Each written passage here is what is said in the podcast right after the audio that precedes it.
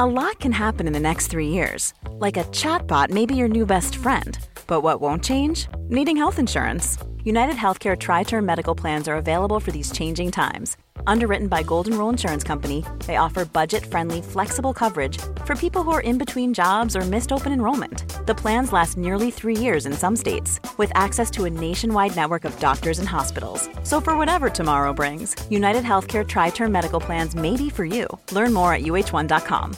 This is Paige, the co-host of Giggly Squad, and I want to tell you about a company that I've been loving, Olive and June. Olive and June gives you everything that you need for a salon quality manicure in one box. And if you break it down, it really comes out to $2 a manicure, which is absolutely insane. It's also so easy to get salon worthy nails at home with Olive and June. The difference between how your nails used to look when you did them yourself and now with the Manny system is a complete game changer. The best thing about Olive and June too is it's a quick dry. Dries in about one minute, lasts for five days, and full coverage in up to one to two coats. Visit oliveandjune.com slash perfectmani20 for 20% off your first system. That's oliveandjune.com slash perfectmani20 for 20% off your first system. Hey, Dave. Yeah, Randy. Since we founded Bombus, we've always said our socks, underwear, and t shirts are super soft. Any new ideas? Maybe sublimely soft. Or disgustingly cozy? Wait, what? I got it. Bombus. Absurdly comfortable essentials for yourself And for those facing homelessness. because one purchased equals one donated. Wow, did we just write an ad? Yes. Bombas. Big comfort for everyone. Go to bombas.com slash ACAST and use code ACAST for 20% off your first purchase. Velkommen tilbake gjengen til chit-chat med Helle. Jeg vet du har er savnet er meg.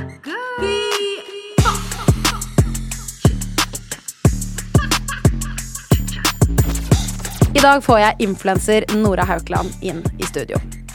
Nora kjenner du kanskje igjen fra Love Island, for hun var ikke bare med på programmet i 2020, hun vant også hele skiten med sin daværende kjæreste. I dag skal vi jo dypdykke i Nora sitt liv, for jeg lurer veldig på hvordan eh, det har vært for henne å vokse opp i Alta. Og eh, jeg vet jo at hun har hatt en litt eh, trøblete familiesituasjon, og lurer på hvordan det har påvirket livet hennes i dag. Vi skal også få høre mer om hvordan det var for henne å jobbe som eh, eiendomsmegler og modell i Australia i en alder av eh, bare 19 år. Og om hvordan det var for henne å komme tilbake til Oslo, og eh, hvordan hun ble bestevenn med en av Norges største influensere, Sofie Elise. Jeg tror dette blir en amazing chat.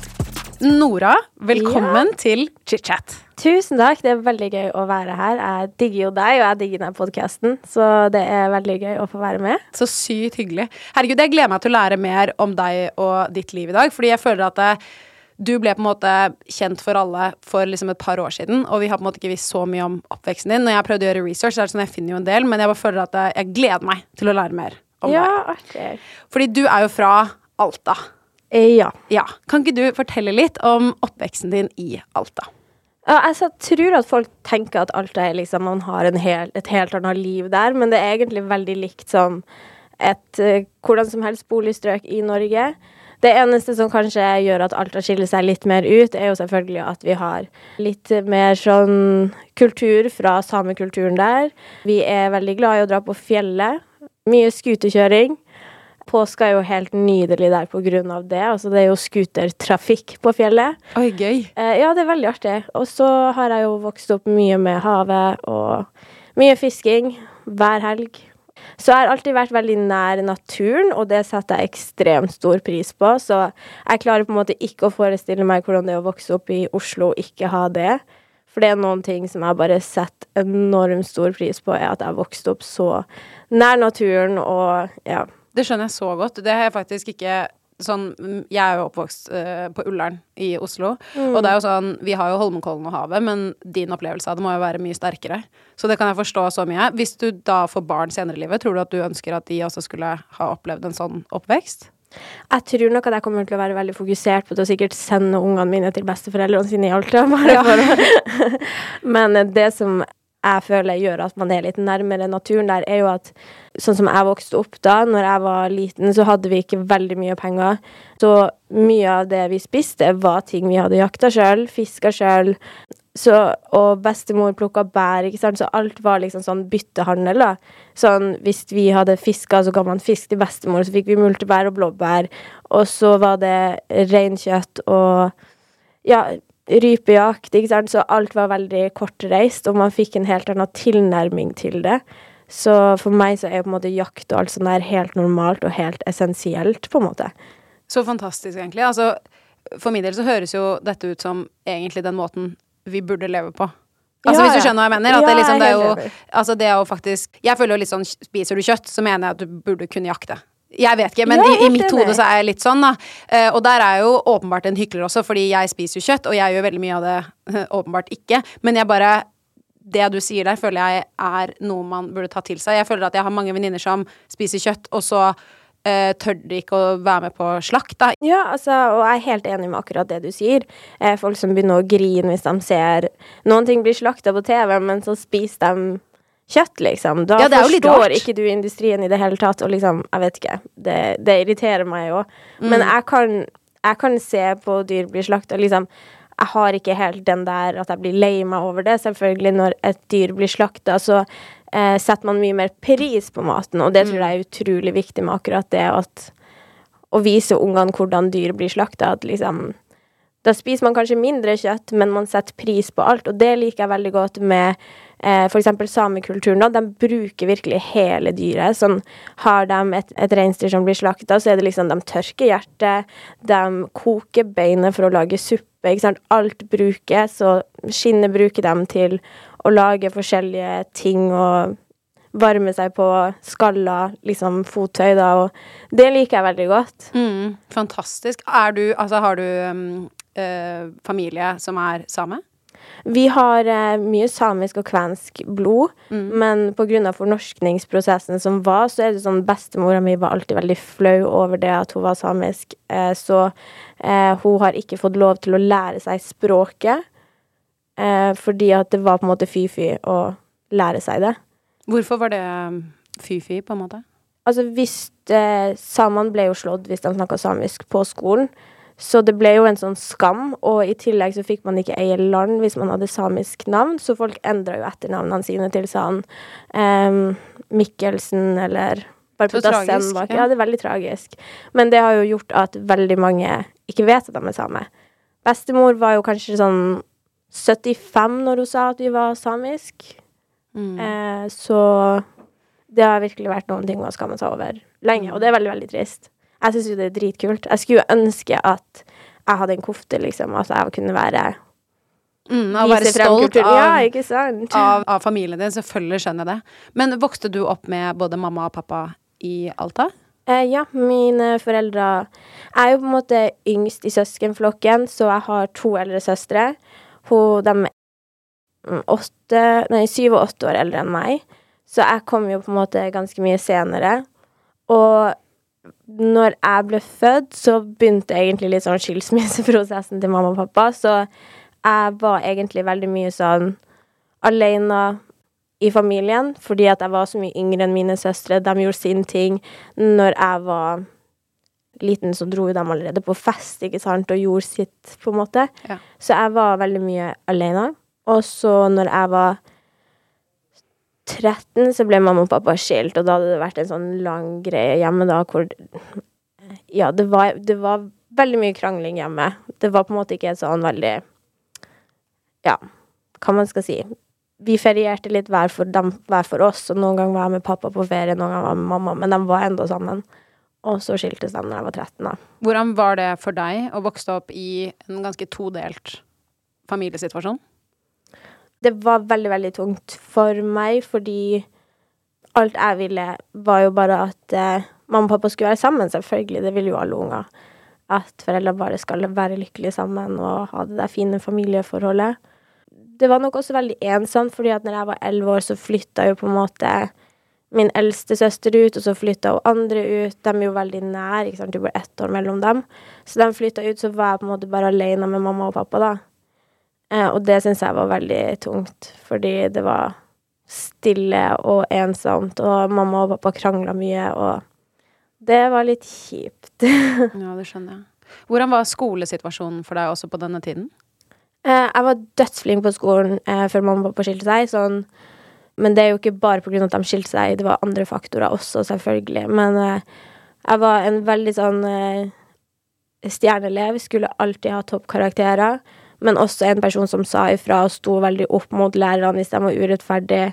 Men på en måte så ville jeg bare alltid gjøre ting 100 eh, Og så var jeg også litt nerd, så jeg var aldri pen på skolen. Sånn, jeg ble, jeg ble plagd fordi at jeg hadde skikkelig overbitt. Jeg var veldig, veldig tynn, så jeg ble jo kalt liksom ja, det ene og det andre. Liksom, jeg var bare en strek. Jeg utvikla meg jo ikke før videregående. Andre året på videregående begynte jeg å utvikle meg litt. Så det tok veldig lang tid med meg, som gjorde at jeg var litt sånn Var du usikker på grunn av det? Eh, jeg hang egentlig kun med gutta når jeg var veldig liten. Sånn Jeg var veldig tomboy, kledde meg kun i gutteklær. Så jeg var på en måte ikke usikker, men usikkerheten kom mer de senere årene, når på en måte alle andre begynte å få pupper, og du bare følte at guttene begynte å bli interessert i jentene på en annen måte, og da ble jeg veldig sånn Hva er det her? Det her er mine kompiser, det her er jo mine venner, og så skal de begynne å liksom være Og da ble jeg litt usikker, fordi at jeg skjønte ikke helt hvor jeg tilhørte i det hele tatt, fordi at jeg var obviously ikke en babe som gutta så på den måten.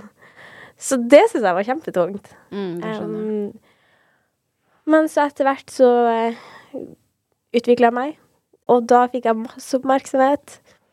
Så Det er ikke det rart hvordan man bare øh, At det liksom Ja, at det har så mye å si. Men det er jo en rar periode for de aller fleste når man går liksom gjennom de årene fra liksom 12, 13, 14, 15 og og jeg, jeg, hatet det. Altså, jeg var også bare sånn her Jeg ble bare pissed, jeg var sur, jeg forsto ikke hvorfor jeg skulle få mensen, hvorfor så puppene mine rare ut. Altså, jeg var bare sånn her «Åh». Og så jeg har også alltid hatt mye guttekompiser, så jeg var liksom sånn her Jeg ble alltid karakterisert som hun For min del, da, jeg var ganske stor, så jeg var sånn Jeg var alltid hun litt chubby, brukte aldri sminke, bare hadde masse guttekompiser. Men det gjorde meg veldig sterk psykisk. da Jeg vet ikke hvordan du føler at du har kommet ut av det nå, men jeg følte at det var sånn Jeg følte meg veldig low på den tiden. Men nå i senere tid så har jeg også vært litt sånn OK, men da er du vennen min. Du var en uh, kjip bitch, så du er ikke vennen min. og så føler jeg at jeg har blomstret ut av det, da. Og det selvfølgelig skjønner jeg at jeg kan påvirke folk i veldig forskjellige retninger. Men for min del så føler jeg at de årene jeg gikk gjennom på tenårene som var vanskelig, har gjort meg veldig sterk. Hva føler du om det? Jeg er helt enig, og jeg setter utrolig stor pris på at jeg ikke alltid var den peneste og den mest populære nå. Fordi jeg føler at alle vi har en helt annen tilnærming til andre mennesker. Sånn, vi klarer mye bedre å kommunisere, se smerte i andre, hjelpe. Vi er mye mer empatisk, skjønner du? For man har vært på lows, man har blitt mobba. Man har også vært jævlig deilig og liksom Man har vært på så mange nivåer. Man har vært en tomboy, man har vært skikkelig guttejente. Man har vært den feminine jenta på rød løper som bare er helt styla og glam. Man har vært på alle de Du, det der er veldig sant, det har jeg faktisk ikke reflektert så mye over. Men der, det at jeg, jeg ble mobbet da, sånn heavy fra første til femte klasse, spesielt på barneskolen, da, back in the days. Men da var det sånn, jeg hadde ingen venner. Jeg er jo født med en sånn der, sykdom som gjør at jeg, jeg tisset på meg selv. Når jeg var liten. Du, au! Ja, altså, jeg, jeg tisser på meg seriøst all the time. Altså, søsteren min hører dette, hun kommer til å le seg i hjel. Fordi jeg er født uten den der knipemekanismen. Så det var sånn det å, det, jeg, it was, altså jeg kunne ikke gjøre noe med det. det bare, jeg bare tisser på meg hele tiden. Så åpenbart så ble jeg mobbet masse pga. det. Men så vokste jeg meg ut av det når jeg kom i puberteten. Men det gjør at jeg som voksen nå, hvis jeg ser urett eller mobbing, eller folk som blir utestengt, eller sånne type ting bare, Det er noe inni meg som bare blir aggressiv. Altså jeg, blir, Ja. jeg er ikke en aggressiv person, jeg er veldig følsom, så jeg føler at eh, hvis jeg blir sint, så blir jeg heller lei meg. Men det er det eneste som jeg føler kan faktisk gjøre meg skikkelig sur og pissed, er den uretten som folk gjør mot andre som ikke har noe grunnlag i virkeligheten engang. Bare folk gjør det fordi de ofte er misunnelige eller jeg vet ikke, usikre på seg selv, da. Åh, hater det. Men, Jeg blir eh, men sånn er jeg òg. Jeg kan seriøst svartne fordi jeg klikker så mye når jeg ser sånne ting.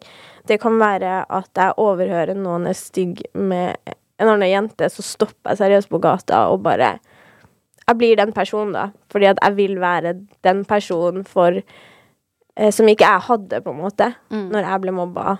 Og det tenker sikkert du også. Ja, at du skulle ønske noen gjorde det mot deg, liksom for deg. Absolutt. Og jeg hadde jo en sånn person som kom inn senere i livet mitt når jeg begynte liksom ungdomsskolen, og det reddet meg. Det var sikkert derfor jeg fikk mye selvtillit òg, for jeg var sånn Så hvordan hun håndterte det. Og det gjorde meg sterk, for jeg var sånn ok, men da kan jeg La meg ikke pille på nesen, da. Folk Hvorfor har den personen mer rett til å være kjip mot meg enn at jeg bare står opp for meg selv, hvis du forstår hva jeg mener? Ja. 100 Herregud, for noen år. Men altså, når du gikk på ungdomsskole i Alta, gikk du da sammen Jeg har lest at du gikk sammen med Sofie Karlstad? Eh, ungdomsskolen, eller var det videregående? Kanskje det var videregående? Ja, eh, Sofie er jo fra Mehamn, som er Det er vel fem timer å kjøre unna med bil. Å ja, Men så det er faktisk det, såpass langt, Det ja. er langt, eh, Mm. men det er jo ingen eh, videregående der. Og da kan man enten velge, tror jeg det å ta eh, videregående gjennom video, eller å flytte til Alta. Så hun flytta til Alta da, og så eh, har jo vi en felles Eller min kjæreste da var hennes eks, som også var fra Mehamn. og sånn ble vi venner. Fordi da dro Dere jeg til delte en Mehamn. eks, og det var det dere liksom Ja. bondet over? Ja. Det elsker jeg. Så det var veldig gøy. Og da dro jeg til Mehamn, og så eh, hang jeg med henne, og vi stjal en robåt og det ene og det andre, og så ble vi egentlig Så har vi vært venner siden. Ja, så dere er gode venner? Ja, altså, vi dere- er sånn når vi ser hverandre, så er det alltid kjempekoselig, men vi trenger på en måte ikke å ha den kontakten hele tida. Men sånn, i fjor så var vi jo også eh, på ferie sammen. Vi reiste til Mykonos, og, så det er kjempegøy. Så dere er barndomsvenner, da? Rett og slett? Ja. Ja. Nei, men så sykt hyggelig. Men altså, eh, jeg har hørt også da, etter du var ferdig med skole, når du da var 19 år gammel, så valgte du å flytte til Australia Ja. og jobbe som modell. ja. Kan ikke du fortelle om hvorfor du valgte å gjøre det? Em, jeg var en sykt rebell på den tida. Liksom, jeg flytta jo først eh, fra Alta til Oslo, så jeg gikk siste året på videregående i Oslo. Og det var rett og slett fordi at jeg fant kjærligheten på trikken. Kjærligheten på trikken? kjærligheten på trikken. Var du i Oslo, og så så du en dude du likte på trikken? Det kom en dude opp til meg på trikken, og så ble vi forelska med en gang. Og så eh, var det en sommerflørt da, og jeg var så forelska i denne fyren at jeg bare Jeg må flytte til Oslo, men hvordan skal jeg få det til? Så jeg prata med mamma og pappa bare Skolen i Alta er helt jævlig, folkens. Nå må dere høre på meg. Det er så dårlig skole i Alta. Jeg må flytte til Oslo fordi jeg får ikke bra karakterer her. Og det var delvis sant. Det er ganske dårlig skole der og dårlige lærere. Men det var jo ikke hovedgrunnen da, så da flytta jeg til Oslo rett inn med han eksen min. Og så em, var han veldig sånn reiseglad livsnyter, og han bare La oss flytte til Australia. Og han bare, han var svensk, da. Og han Ja. bare OK. Og så gjorde vi det. Så Og- etter det du var ferdig på videregående, da, så bare dro dere sammen og flyttet til Australia? mm.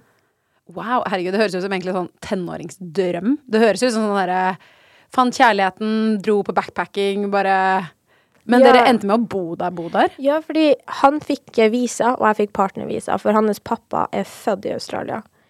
Så derfor så kunne vi bo der. Mm, så da jeg, tok jeg sånn eiendomsmeglerkurs, jobba som eiendomsmegler.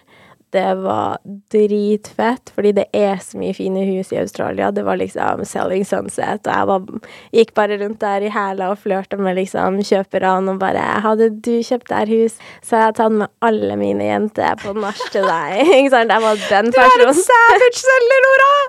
I love it. Herregud, så episk. Men på den tiden så var du 19 år gammel og jobbet Ja. som eiendomsmegler i Australia. Det er jo helt sinnssykt. Egentlig. Ja, det er sånn egentlig sykt. Men jeg følte jo at jeg var så moden for alderen. Men når jeg ser tilbake, så var jeg sånn Du hadde ingen aning, lille venn. Men du har nevnte faktisk da også på SoMe for bare et par dager siden at når du var i Australia, så endte du opp i en, en del uønskede situasjoner på grunn av rasisme og fordommer. Ja. Og det er jo litt sånn vi prata om i sted, Ja. at liksom eh, Når det er urett som skjer, så klikker det for meg. Så det ble jo krangling, slåsskamper, det ene og det andre. Fordi eh, det var så mange ting. Da. For det første så er det så skjevt når det kommer til likestilling der. Altså, kvinnene der eh, tilhører på kjøkkenet. Det er litt som å være på 50 50-tallet, skjønner du, i Norge, da. Sånn eh, kvinnene der eh, tjener ikke like bra, får samme jobb. Um, de har ikke like store drømmer heller, fordi at de har på en måte bare fått høre det at de skal få barn og være hjemme, og de skal finne seg en bra mann som kan ta vare på dem. Og um, det irriterte meg veldig mye, fordi at mange av vårs liksom vennepar da, så kunne jeg se liksom hvordan deres type prata til dama. Sånn Gå og smink deg, du ser ikke ut. Eller Nå har du lagt litt på deg. Og det greit, så mange ting som bare var så triggende for meg å sitte og høre på. Og når det kom til liksom å ha smarte samtaler og alle sånne her ting, så ville jeg på en måte alltid prate med guttene, fordi det var der de tok opp polit politiske problemer, samfunnet, og jentene prata om Botox og fillers, om de skulle ta silikon eller ikke. Føler du at dette var liksom utbredt bare i liksom For du hang jo da åpenbart med folk sikkert i din, mye din egen alder, rundt sånn 19-20 år, på en måte. Følte du at det var utbredt i liksom alle aldre du så, eller følte du at det var liksom veldig til starten av 20-årene? Jeg føler faktisk at det var ganske utbredt på alle nivåer, fordi jeg hadde jo Han har jobba med, med som eiendomsmegler. Hans kone, ikke sant, det var også veldig sånn gammeldags, og deres sønner var på samme måte, så det var i alle aldersgrupper. Eh, og det var veldig rart for meg å komme fra Norge da, hvor vi er veldig liberale, og så komme tilbake til det, og i tillegg all den rasismen de hadde. Og det her var jo mine venner som satt og forsvarte hvorfor aborginerne ikke burde være i byene, ikke sant? Jeg ble så irritert, og det var så mange aborginere som bodde på gata. Eh, og så fikk jeg meg en venninne som var halvt aborginsk, og heldigvis for hun, unnskyld, så hadde hun skikkelig pretty privilege som gjorde at folk ville høre på. Men hvis du er aboriginer og ikke blir sett på som pen, så er det ingen som er interessert i å høre på deg. Og det irriterte meg også så mye. Ja, det skjønner jeg. Det altså, jeg kjenner jeg blir aggressiv av bare å høre det forteller det. Det er jo Altså, det er straight up alvorlig rasisme. Ja, ja, ja. Det var helt forferdelig. Og de, eh, det var jo litt også det som skjedde med samene, som også gjorde det litt mer triggende for meg, var at eh, de brukte jo aborginerne litt som slaver, men betalte dem i alkohol, ikke sant. Så når eh, nordmenn, holdt jeg på å si, kom opp og skulle fornorske samene, så var det jo å gjøre dem kristen, og så var det å åpne vinmonopol, på en måte. Så eh, folk blir jo helt avhengig av alkohol, og når man ikke har det i blodet å drikke, eh, sånn som vi vest, vestlige, holdt jeg på å si, har med at vi har det som en tradisjon å drikke, så um, gjør det noe annet med deg når du tar alkohol, ikke sant? Det er akkurat som hvis du drar til Jamaica, så tror ikke jeg de reagerer likens på weed som man kan gjøre her, ikke sant? Um, og eh, de var jo da uten jobb på gata og så kjempesliten ut, og det var liksom ikke så mye hjelp. Og i tillegg så drev de og bygde ny infrastruktur som gjorde at de ikke kunne være på gata heller. Eksempel lage benker med flere håndtak, sånn at ingen kunne sove på benkene i gata. Eller lage sånne pigger og sånne ting. Det var bare så ekkelt å se. Ja, det skjønner jeg. Hvordan man behandler folk. Men hvor lenge var det du ble i Australia? Jeg bodde der fire år. Tre Ja, for du bodde der jo såpass lenge at uh, når du da du, du kom jo ikke i, Dro du hjem til Oslo, eller kom du tilbake til Norge før du da ble med på Love Island, da? Hvor Jeg dro og besøkte Oslo. Det Ja, men du gjorde bodde fortsatt i Australia, gjorde Ja. du det? Jeg hadde hus der. Så Ah. vi kjøpte oss hus, liksom, og jeg skulle bli der. Så du faktisk hadde tenkt å bo der, sånn for alltid? Der og da, på en ja, jeg hadde tenkt det, men det, det er rart med det der man tenker at ja, liksom, jeg som på en måte har flytta vekk fra familien, egentlig tatt vare på meg sjøl ganske godt siden jeg var 15 år, tenkte at jeg kommer sikkert ikke til å ha det behovet for å se familien, og så blir du tante, ikke sant? Ja. Og så kjenner man skikkelig på det at å, jeg savner familien. Mm. Men det var veldig bra for meg å komme meg dit og på en måte face alle mine demons, holdt jeg på å si, med liksom min, min barndom og alt som har vært tungt. Gå gjennom det. Det var mange ganger jeg kunne eh, Jeg begynte å meditere, var veldig sånn Nå skulle jeg lege meg sjøl, og så kunne jeg ringe pappa, for eksempel, og bare 'Jeg er sint for det her og det her og det her, og hvorfor, hvorfor tenkte dere ikke på meg da og da og da?' Og så, eh, mens jeg var der, så fikk jeg på en måte lege alle de sårene. Og så kom jeg tilbake, og nå er liksom alt bra. Men jeg var i en veldig sånn dyp, mørk greie. Men følte du at du måtte bo der for å på en måte uh, heale deg psykisk gjennom det? Så det var egentlig også en veldig Ja. Positiv Altså der og da var det sikkert veldig vanskelig, men i ettertid så var det veldig bra, en bra opplevelse for deg, da. Det var en fantastisk opplevelse, Mm. og absolutt noe jeg ser på som var skjebnen min. Jeg måtte dit for å bli den personen jeg er i dag, liksom. Så flott. Mm. Det var jo sikkert veldig essential Altså jeg føler at når du eh, blir voksen, da, eller enda mer voksen enn du er nå, at det er sikkert en tid i livet du kommer til å se tilbake på. Og tenke og huske når du blir eldre. Føler jeg det, ut ifra det du forteller meg nå, ut ifra inntrykkene, hvordan du har stått opp for rasisme, og hvordan du har vokst selv på de årene. Ja, jeg, jeg vokste Hey, it's Ryan Reynolds, and I'm here with Keith, co star of my upcoming film, If, only in theaters, May 17th. Do you want to tell people the big news? All right, I'll do it. Sign up now and you'll get unlimited for $15 a month and six months of Paramount Plus Essential Plan on us. Mintmobile.com slash switch. Upfront payment of $45 equivalent to $15 per month. Unlimited over 40 gigabytes per month. Face lower speeds. Videos at 480p. Active Mint customers by 531.24 get six months of Paramount Plus Essential Plan. Auto renews after six months. Offer ends May 31st, 2024. Separate Paramount Plus registration required. Terms and conditions apply if rated PG. Hiring for your small business? If you're not looking for professionals on LinkedIn, you're looking in the wrong place. That's like looking for your car keys in a fish tank. LinkedIn helps you hire professionals you can't find anywhere else, even those who aren't actively searching for a new job but might be open to the perfect role. In a given month, over 70% of LinkedIn users don't even visit other leading job sites. So start looking in the right place. With LinkedIn, you can hire professionals like a professional. Post your free job on linkedin.com/people slash people today. A lot can happen in three years, like a chatbot may be your new best friend. But what won't change? Needing health insurance. United Healthcare Tri Term Medical Plans, underwritten by Golden Rule Insurance Company, offer flexible, budget friendly coverage that lasts nearly three years in some states. Learn more at uh1.com. så sykt mye. På de tre årene så føler jeg at jeg ble så mye eldre og så mye smartere og så mye mer reflektert. Og mye mer tilgivende og Mm. Det er flott. Ja, det var veldig, veldig bra. Åh, nydelig. Men i Vi må jo komme til dette. I 2020 så ble jo vi her i Norge eh, godt kjent med deg når du var med på Love Island. Ja. Ja. Og eh, jeg må jo da bare spørre, med tanke på at Love Island var jo allerede Dette var jo sesong to, så det var jo allerede et ganske stort eh, show i Norge. Ble du med i utgangspunktet for å bli kjent, eller for å finne kjærligheten? Det er eh, blanda, egentlig, fordi jeg var ikke ute etter kjærlighet i det hele tatt. Eh, det sa jeg jo ikke når jeg skulle caste meg, da. Men jeg var ikke det, eh, fordi jeg kom jo akkurat fra Australia. Så mitt fly gikk fra Australia til Argentina. Fra eksen min og rett inn på den villaen. Å, så du var helt nysingel når du kom inn der? Ja. Helt nysingel. Oh altså, vi hadde blitt enige om at vi ikke kom til å være sammen, og at jeg ville flytte, og han visste at jeg skulle på Love Island. Altså alt det der. Eh, For en psykisk påkjenning. Altså sånn, Fra alle som har gått gjennom et brudd, uansett om man velger å gå eller bli dumpet, eller vet ikke hvordan din situasjon var, så er det fortsatt veldig psykisk påkjenning de månedene etterpå. Og du bare tok et fly, du. Rett i Argentina for å være med på et eh, Norge full broadcasted datingprogram. ja. Følte du at det var en stor psykisk påkjenning, eller var det sånn at du levde der og da på en måte litt i den boblen?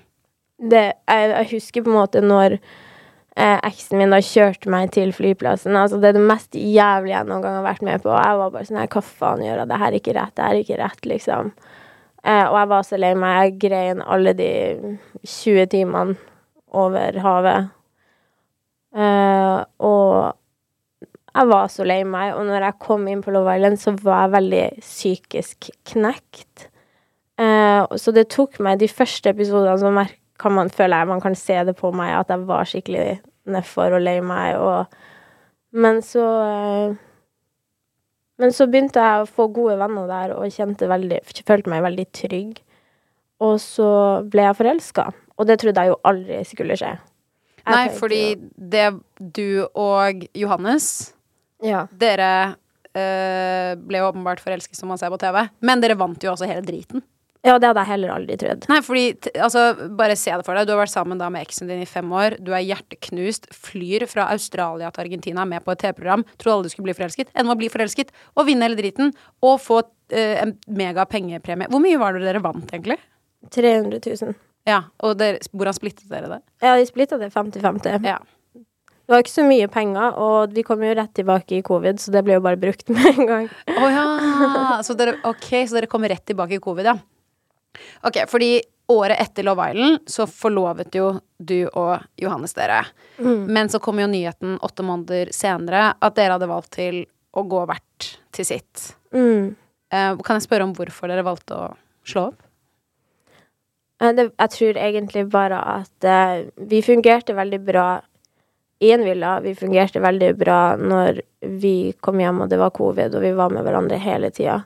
Men så fort covid var ferdig, så kjente jeg kanskje det at eh, Jeg tror vi begge følte på at vi var ulike. Og vi visste jo at vi var ulike. Og vi prøvde jo å liksom ha god kommunikasjon og gjøre at ting ble bra, men jeg tror ingen av oss egentlig hadde det så bra. Og det var jo Det er jo utrolig tøft å være forlova så offentlig, og så gjøre det slutt. Det er ydmykende. Det var, et, det var kjempetøft. Men eh, jeg er veldig glad for det forholdet vi har i dag. Vi deler jo en hund, og han har det veldig bra. Vi deler han som et skilsmissebarn, liksom. Det er 50-50, og vi kan Vi har en hyggelig tone, liksom. Mm, så bra. Føler du at den gangen du kommer til å få kjæreste igjen, at du ønsker å ikke ha det så offentlig? På grunn av at du syns det var såpass vondt med det forrige bruddet nå? Uh, ja, egentlig. Men så er jo det vanskelig. Ja, det kan jeg jo forstå. Det forstår, forstår jeg veldig godt. Det er jo vanskelig når du liksom lever av å være influenser og ta bilder og legge det ut, så blir det jo fort Jeg føler at alle som sier at man ikke vil ha et offentlig forhold, ender med å ha et offentlig forhold. For det er jo aldri sånn at man tenker at det skal bli slutt. Det er jo aldri sånn at man tenker at det skal være noe galt når man er forelska og man har det bra. mm. Men uh, Ja, for det er lett å komme inn i den boblen, ass. Vi har vel alle vært der, forelsket, og så legger man ut bilder, og så er man sånn wii! Ja, ja, ja. Og så plutselig liksom er man forlovet, og så wii! Og så Ja, du har vært der, du òg. Jeg har vært der. Ikke bare én, men to ganger! Så, så I know. I know. Believe me. Det er meg og deg. Åh, yes. Men eh, nå om dagen så ser vi jo deg ofte henge med gjengen til eh, Sofie Elise, Joakim Kleven, Fetisha og den gode gjengen der. Men jeg må spørre bare, når var det du ble kjent med de? Og når var det dere begynte å henge mye? Mm, vi ble Vi møttes på eh, Maria sin bursdag, som jeg faktisk dro dit med Abu. Fordi Abu ble invitert av Fetisha, og så eh, det, var veldig, det var veldig morsomt, fordi eh, vi sto utfor denne leiligheta da og røykte sigg. Og så mistet Abu sine gullgrills i et kumlokk mellom der. Og det er gullgrills, ikke sant, han har akkurat fått dem, de kosta masse tusen, og jeg var sånn, vet du hva, den her henter jeg. Så vi løfta opp det kumlokket. Det var jo ikke noe i der, det var bare et hull. Og så ble jeg båret eh, to og en halv, tre meter ned i det kumlokket da, og fant gullgrillsene. Og så kommer jeg opp, og der er Sofie. så jeg bruker å si at jeg møtte henne når jeg kom opp fra kloakken. og det er egentlig veldig symbolsk, for det var litt sånn det føltes også. Jeg hadde det veldig kjipt i den perioden, og hun har virkelig hjulpet meg å bli sterkere og stå på mitt og vise liksom, hva man er verdt, da. At man fortjener bedre og fortjener å ha det bra. Mm. For eh, du og Sofie har jo vært mye sammen i media. Altså Dere blir jo skrevet om hele tiden, føler jeg. Bare dere legger ut bilde av bikini, så bare er det oppslag over hele, hele Norge. Men i, du og Sofie, dere var jo på en tur til Barcelona tidligere i år. Og da la dere ut videoer av at dere hooker opp og liksom ser ut som dere på en måte nesten er kjærester. Um, hvordan Altså, det er jo mange som har reagert på det ettertid. Uh, og da må jeg også spørre for det første, har det noen gang vært noe mer mellom deg og Sofie? Um, altså, vi har på en måte ikke følelsesmessig vært mer involvert, men det har jo, vi har jo kanskje mer seksuelt hatt greier, holdt jeg på å si. Mm. Hyggelig, da. Men vi er jo vi er veldig fri seksuelt begge to, så det er på en måte vi begge er biseksuelle, og hun er bifil, og vi er fri. Og jeg følte at med den vid kyssevideoen at det skal bli så mye oppstyr rundt det, syns jeg var så rart. Altså, vi er i 2022, er vi ikke? Jo. Um, og det er jo egentlig bare oss som er oss. Ja, fordi jeg tenkte også mye på det at Fordi det som dere fikk mye kritikk for, var jo litt det der med å romantisere det derre seksualiserte venninne, kjæreste, hookup, på en måte det derre at kvinner har blitt så mye seksualisert tidligere av menn, og så setter dere på en måte kvinner i et dårlig lys ved å gjøre det enda mer. Jeg er helt enig med dere. Jeg mener jo at dere bare skal få lov til å gjøre hva, sier det, faen hva dere vil. Mm. Uh, hva tenker du om den situasjonen? Eh, det du sa, man skal jo bare få lov til å gjøre hva faen man vil, og det er ingen andre sin business hvordan seksualitet du har, hvordan forhold man har, uansett. Og jeg syns det er så kjipt at jeg fikk så mange meldinger om at jeg romantiserer sex med jenter, på en måte. Hvorfor gjør jeg det? Fordi at jeg liker å ha sex med jenter? Så romantiserer jeg det? Eller er det fordi at vi er to damer som andre syns er digg? Ja, fordi det gjør syns jeg også er veldig problematisk. Fordi jeg blir litt sånn Hvorfor er det deres skyld? Er det ikke da heller eh, på en måte mennene eller de andre menneskene som gjør dette til noe mer enn det det er, på en måte? At Skjønner du hva jeg mener? Den der Mm. seksuelle trakasseringen. Det er jo ikke da sexobjektet sin skyld at noen andre blir kåte på personen. Altså, Nei, jeg syns det er veldig å, rart. Liksom, vi må slutte å endre vår oppførsel på grunn av hva menn tenker. Vi må bare gjøre hva faen vi vil. Jeg er helt enig. Preach. Altså, jeg er jo selby, og jeg var bare sånn der, jeg brydde meg ikke døyt. Jeg var bare sånn, jeg gir faen i om dere har lyst til å kline på ferie. Det var drithyggelig for dere. Ja. Om dere har lyst til å ligge og kose dere og gjøre hva farskan dere vil. Er ikke det bare kjærlighet? Det er jo kjærlighet. Det er jo det vi feirer på pride. Altså, folk må få lov til å gjøre hva de vil. Om man elsker menn, elsker menn, eller kvinner elsker kvinner. Bare la folk gjøre det de ønsker, og så lenge det egentlig ikke Ja, ja. Altså, skjønner jeg mener? Ja, ja, absolutt. Gjør noen noe vondt, så blir Det jeg sånn er- Og jeg mener at dette ikke er gjør noen et så vondt. regnbueflagg for en grunn, fordi at det er så mange farger i det. Mm. Det er så mange nivåer i å være bi. Det er så mange nivåer på, til å være gay, liksom. Mm. Så at, vi blir At vi blir skjelt ut for å seksualisere Det er sex. Hva skal jeg Mm. si? Men du, eh, du har jo også fått mange har meninger om eh, åpenbart det du gjør, og folk eh, mener at du spiller mye på sex. Mm. In general. Hva tenker du om det? Mm. Jeg føler jo ikke sjøl at jeg gjør det, egentlig. Men det kan jo Jeg er en seksuell person. Det er jeg. Jeg er en person som Jeg vet ikke, altså Jeg føler også det å være feminin og det å være seksuell, det er på en måte det sterkeste vi jentene også har i oss. Det er en ting som vi har, som ikke menn har. Det er vår feminine energi. Og den syns jeg er veldig viktig, og det er viktig å være i kontakt med den. Og den uh, har jeg sterkt i meg. Og hvis den viser seg frem, så Så det er bare fint, det. Ja, ja. Mm. Altså, jeg også, er, jeg også er virkelig i den oppfatningen at jeg er litt sånn Hvis jeg gjør noe som får meg til å føle meg bra, Mm. hvorfor skal det da være så vanskelig for andre?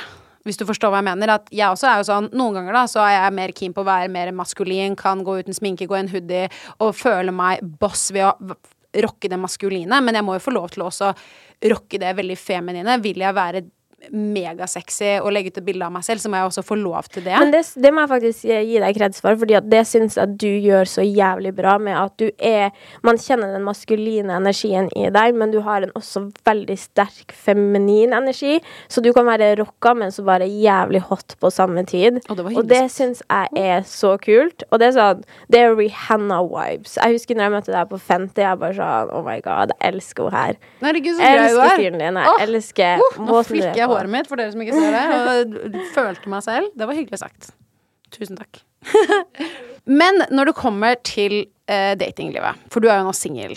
Jeg dater, um, og det er veldig koselig akkurat nå, så um, har jeg det veldig, veldig fint. Jeg er på et så bra sted i livet mitt akkurat nå, og jeg trives. Jeg gleder meg til å stå opp om morgenen, og jeg har sommerfugler i magen, og ja. Hva mer skal jeg si? Så deilig. Er det ikke det vi alle egentlig bare ønsker? Våkne med sommerfugler i magen og føle at vi har et fint liv? Jo, å, jeg er så takknemlig for livet mitt, og alt det kjipe som har vært, har ført meg til der jeg er i dag, og det kommer sikkert til å være mye kjipt igjen, men akkurat nå så må jeg bare nyte den haien jeg er på. Ja, men det er da man må njute, fordi vi alle vet at livet går i bølgedaler, og når det da er bra, Ja. så bare er det bare å gønne på oss. Men nå med tanke på høsten og ting som skjer. Jeg har jo snakket med min gode venninne eh, Ragnhild, så jeg vet jo dette også. Men du og Sofie Elise, Karianne Vilde, Sofie Karlsen, Ragnhild og noen til, tror jeg også. Dere spilte inn en pilot og holdt på med noe med en produksjon som jeg tror skulle på en måte være litt den Tigerstaden 2, for de som husker det, den Mm. eh, TV-serien. Dere skulle på en måte fornye den à la 2022. Kommer dette til å skje? Blir dette en serie? Det kommer til å skje, eh, men eh, spørsmålet er litt når, og vi har noen endringer på det. Så vi må egentlig bare holde litt is i magen, fordi at du vet hvordan det er med nye produksjoner, og det er ting som oppstår, og så eh, har jo jeg lyst til å gjøre det her jævlig bra. Jeg har lyst til at det skal være en dritfet serie, og jeg tenker liksom Real Housewives-ish, og det, det, jeg elsker jo det. Så, um, og det føler jeg Norge trenger. Vi trenger litt sånne serier. Vi trenger Så- litt sassiness på skjermen. Ja, vi denne. trenger litt sassiness, og vi trenger litt sterke kvinner. Og det å bare filme i en gjeng, det er dritfett. Så eh, det kommer til å skje, men uh, det er litt uh, på is akkurat nå. Mm, ok. Jeg håper det skjer. Den casten er så lættis. Ja, det er en jævlig lættis. Faen, jeg skal være ny Joakim Kleven. Jeg skal faen snike meg inn på og henge med dere. Men du, jeg må bare spørre deg også om noe som skjedde for ikke så lenge siden nå. Eh, du la ut på Instagram at du har hatt en veldig vanskelig episode med en nabo som har basically terrorisert deg. Oh my god! Kan du fortelle om det? For du la ut sånn sneak peeks og bare var sånn ok, dette er et helvete. Og jeg var bare sånn ok, dette må jeg bare snakke med deg mer om. Fy faen. Fortell om denne naboen. Altså, greia er at jeg har jo en garasje. En sånn gammel stall så, som har blitt gjort om til en garasje, sånn som veldig mange bygg er på eh, Frogner og sånn, ikke sant. Eh, og den eh, garasjen får jo ikke jeg brukt, fordi jeg får ikke inn bilen dit. Og da tenkte jeg, vet du hva, jeg leier ut denne garasjen på Finn. Og så var det en veldig hyggelig fyr som hadde lyst til å være der fordi at han ville eh, ha motorsyklene sine der, og tenkte jeg OK, cool. Eh, han begynner å leie da, og så begynner det å være litt shady. Altså, han ville betale i cash, og han var der plutselig på natta. Eh, gikk rundt bygget, begynte å klippe plenen min. Jeg bare OK, koselig, men what the heck? Og dette er bare en garasje. Det er ikke noe, det er Det er ikke noe seng der, liksom. Det er bare en garasje-garasje. OK. Where? Og så begynte han å isolere hele garasjen og pussa opp der. Og så, når jeg var og banka på, så ville han ikke slippe meg inn dit. Og han var der seriøst hele tida.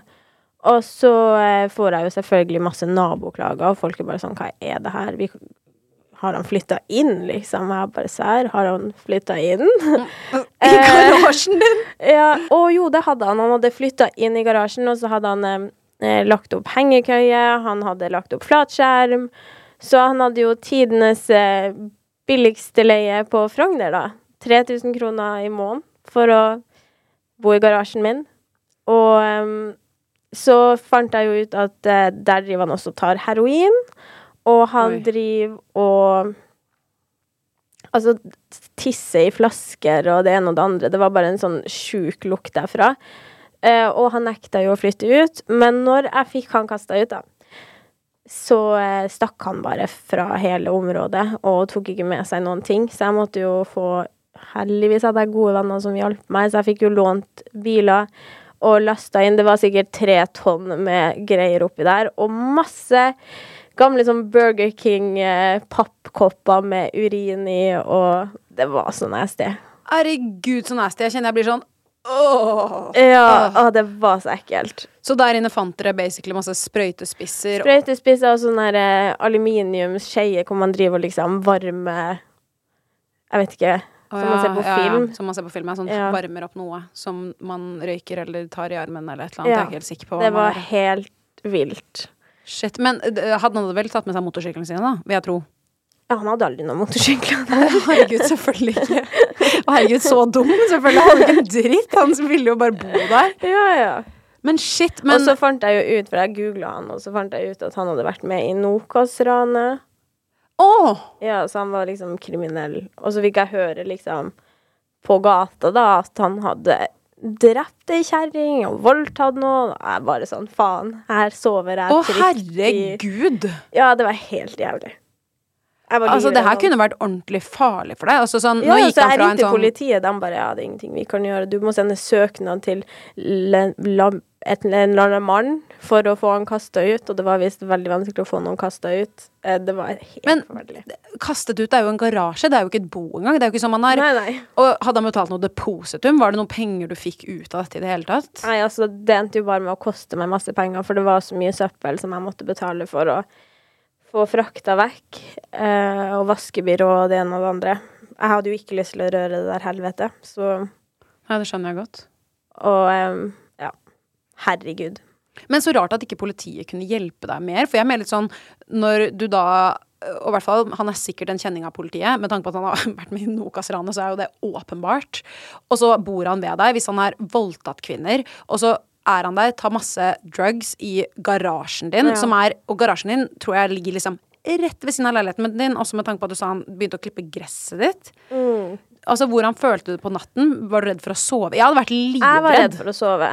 100% Og det var, det var skikkelig traumatisk for meg, fordi jeg ringte jo politiet og grein flere ganger, og de bare sånn, så sa jeg sånn, men han er ekskriminell, og de bare, men vi kan ikke dømme noen ut ifra det, for han har sikkert eh, gjort sin eh, straff, på en måte. Men så var jeg sånn, OK, men jeg føler meg utrygg, så dere vente til jeg er drept, liksom.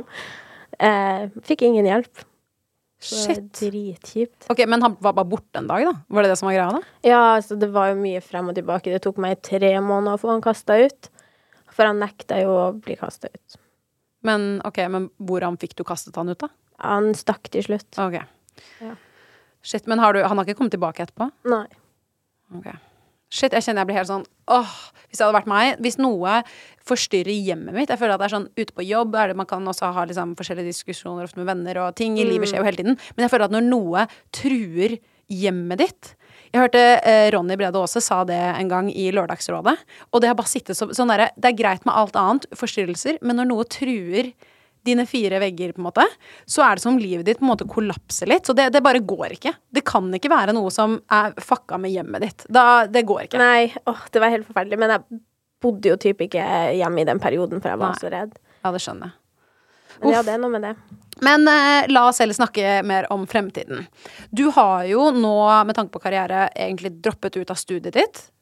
Har du ikke? Ja, jeg har tatt en pause. Tatt en pause fra studiet. Hva var det du studerte? Forretningsjus. Åh. Men det er sånn eh, Du vet hvordan det er i denne bransjen, som litt vi prata om før vi starta, at eh, man går litt i eh, berg-og-dal-bane. Og jeg følte jo i en periode at det her å være influenser er virkelig ikke noe for meg. Så rett etter Love Island så begynte jeg å studere. Men så har jeg etter hvert, etter hvert har det vokst litt på meg, og jeg har begynt å trives litt mer med å gjøre det jeg gjør. Så da har det balla på seg altfor mye til at jeg kunne ha et fulltidsstudie. Det skjønner jeg. Ja. For det virker som du har veldig mye jobb. Og så føler jeg også at med tanke på de vennene du har fått nå, som også driver med det samme, når man er rundt folk som jobber med det samme, så er det jo at man ofte blir litt mer eh, positivt motivert, føler jeg kanskje. Mm, jeg vet ikke helt. absolutt. Ja. Men hva er målene dine for høsten nå? Hmm. Altså, målene mine for høsten nå er egentlig bare å være på det tracket jeg er på nå, for jeg føler at jeg er på et veldig bra, bra sted. Og så har jeg lyst til å eksperimentere litt mer og gjøre litt kulere ting. Um, og så får vi bare se hvor det bringes, egentlig. Jeg har jo ja, mange ideer og mange planer. Så jeg jobber iherdig, og det ja. Nå er jeg på et veldig bra sted, føler jeg, akkurat det med jobb. Mm. Og kjærlighetslivet. Ja. Ja. og jeg gleder meg til å se hva du får til utover høsten. Men jeg må spørre deg avslutningsvis det spørsmålet jeg spør alle gjestene mine. Hva er det sykeste ryktet du har hørt om Hey, it's Paige DeSorbo from Giggly Squad. High quality fashion without the price tag. Say hello to Quince. I'm snagging high-end essentials like cozy cashmere sweaters, sleek leather jackets, fine jewelry, and so much more. With Quince being 50 to 80% less than similar brands. And they partner with factories that prioritize safe, ethical, and responsible manufacturing. I love that. Luxury quality within reach. Go to quince.com slash style to get free shipping and 365 day returns on your next order. Quince.com slash style. Mom deserves the best, and there's no better place to shop for Mother's Day than Whole Foods Market. They're your destination for unbeatable savings, from premium gifts to show-stopping flowers and irresistible desserts. Start by saving 33% with Prime on all body care and candles. Then get a 15-stem bunch of tulips for just $9.99 each with Prime. Round out Mom's menu with festive rosé, irresistible berry chantilly cake, and more special treats. Come celebrate Mother's Day at Whole Foods Market. Want to get a chiseled look in the jawline? Sculpt and shape your jawline with added volume from Juvederm Volux XC. Juvederm Volux XC is an injectable gel specifically designed to be robust enough to improve moderate to severe loss of jawline definition. And it is the first and only hyaluronic acid filler approved for the jawline. Add volume to your jawline for a chiseled look with Juvederm Volux XC. For important safety information and to find a licensed specialist, visit juvederm.com. That's J U V E D E R M.com. Not for people with severe allergic reactions, allergies to lidocaine, or the proteins used in Juvederm. Common side effects include injection site redness, swelling, pain, tenderness, firmness, lumps, bumps, bruising, discoloration, or itching. There's a risk of unintentional injection into a blood vessel, which can cause vision abnormalities, blindness, stroke, temporary scabs, or scarring. Talk to a licensed specialist to find out if it's right for you. Visit juvederm.com. That's J U V E D E R M.com. Altså, det sykeste ryktet må vel kanskje være at jeg var prostituert. At jeg var luksushore i Australia. Uh, det er det sykeste. Men altså, det, altså, hvordan har folk da klart å liksom Er det bare noe noen har funnet på? Hørt at du bodde i Australia, og så var de bare sånn sprinkle som Ja, eh, det har liksom vært eh, sugar baby, og at jeg var prostituert, og luksushore, og det ene og det andre. Jeg har ingen aning hvordan folk har kommet til det. Jeg hadde jo kjæreste, så det hadde jo vært litt dumt for han. Det hadde vært kjipt for han da, hvis du bare løpet på natten og var eh, luksusprostituert. Nei, men det kan du i hvert fall avbekrefte nå, da. Ja. Ja. Det kan jeg. Har ikke jobbet som prostituert i Australia. Nei. Nei, men det er nydelig. Perfekt avslutning. Så med det så sier jeg bare tusen hjertelig takk for chatten, Nora. Ja, og tusen takk for at jeg fikk komme. Jeg føler det var en veldig bra prat, og du er veldig flink til å drive podkast. Herregud, så nydelig du er. Åh. Så grei. Men vi snakkes, Nora. Det gjør vi. OK. Ha det. Ha det.